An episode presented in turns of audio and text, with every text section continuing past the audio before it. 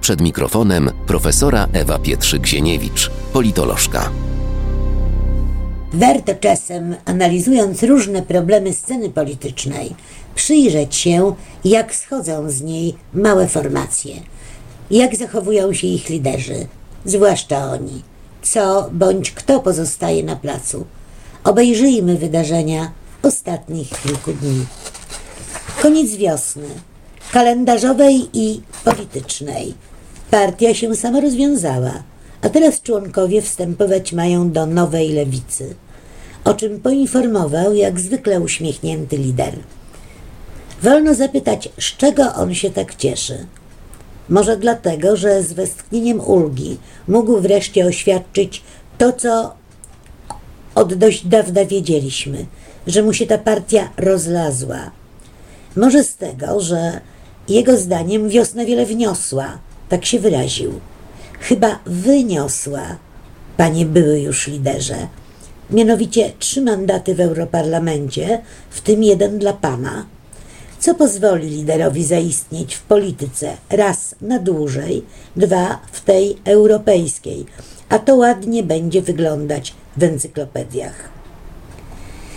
Poza tym na placu pozostanie niedługo jako postać w miarę rozpoznawalna tylko sympatyczny pan poseł Gdula, łowca, bo też iście zdumiewające sukcesy łowieckie odnosi pan poseł jako analityk. A i, nie chcę być nieuprzejma, cenzor kanonu literatury ojczystej. Jakby pan Czarnek, minister, nie wystarczał w roli łowcy cenzora. Pan poseł Gdula poluje na rasizmy i seksizmy. Najbardziej znanym osiągnięciem było napiętnowanie za rasizm i seksizm Sienkiewiczowskiej w pustyni i w puszczy.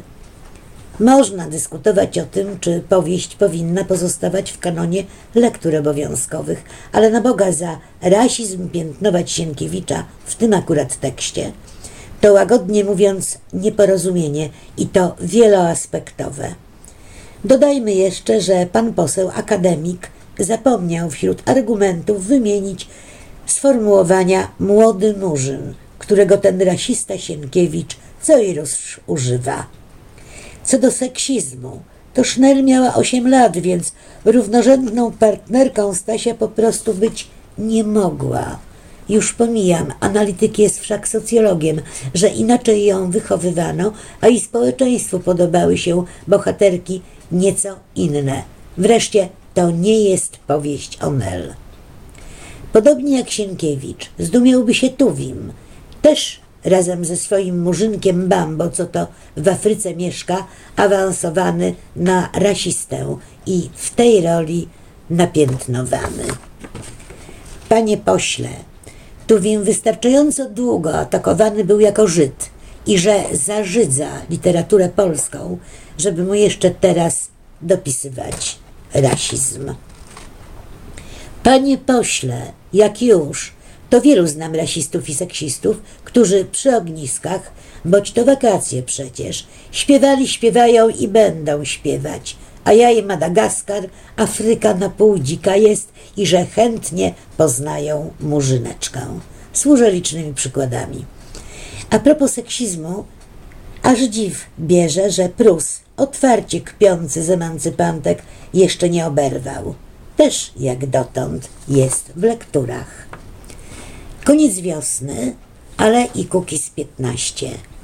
Choć oficjalnie lider Kukiz tego nie ogłosił, za to wszedł on, antysystemowiec jak dotąd twierdził i lider antysystemowej formacji w porozumienie z partią władzy, którą dotąd głosił jako autorytarną. Snuł analogię PiS-PZPR, całkiem niedawno jeszcze. To jeden z ważniejszych dni w moim życiu, powiedział Paweł Kukiz po wspólnej konferencji z Jarosławem Kaczyńskim, na której Urbi et Orbi ogłoszono ten zdumiewający mariaż, przepraszam, sojusz programowy. Tyle, że trzy obligatoryjne punkty kukizowego programu trudno będzie wyegzekwować. Ustawa antykorupcyjna utonie od ciężaru poprawek, wdrożenie ustawy w sprawie sędziów pokoju trudna się okaże, o ile ustawę parlament przegłosuje, mieszana ordynacja wyborcza budzi liczne kontrowersje, w tym wśród konstytucjonalistów. Czyli na sukces pan Kukis długo poczeka. Formacja dziś liczy czterech posłów, za kilka dni ponoć zostanie tylko trzech. Jaka piękna katastrofa, jak zakrzyknął Greg Zorba, też marzyciel i entuzjasta. Ile? Na www.haloradio ukośnik SOS wspieraj niezależne Halo Radio, które mówi wszystko. www.halo.radio ukośnik SOS Dziękujemy.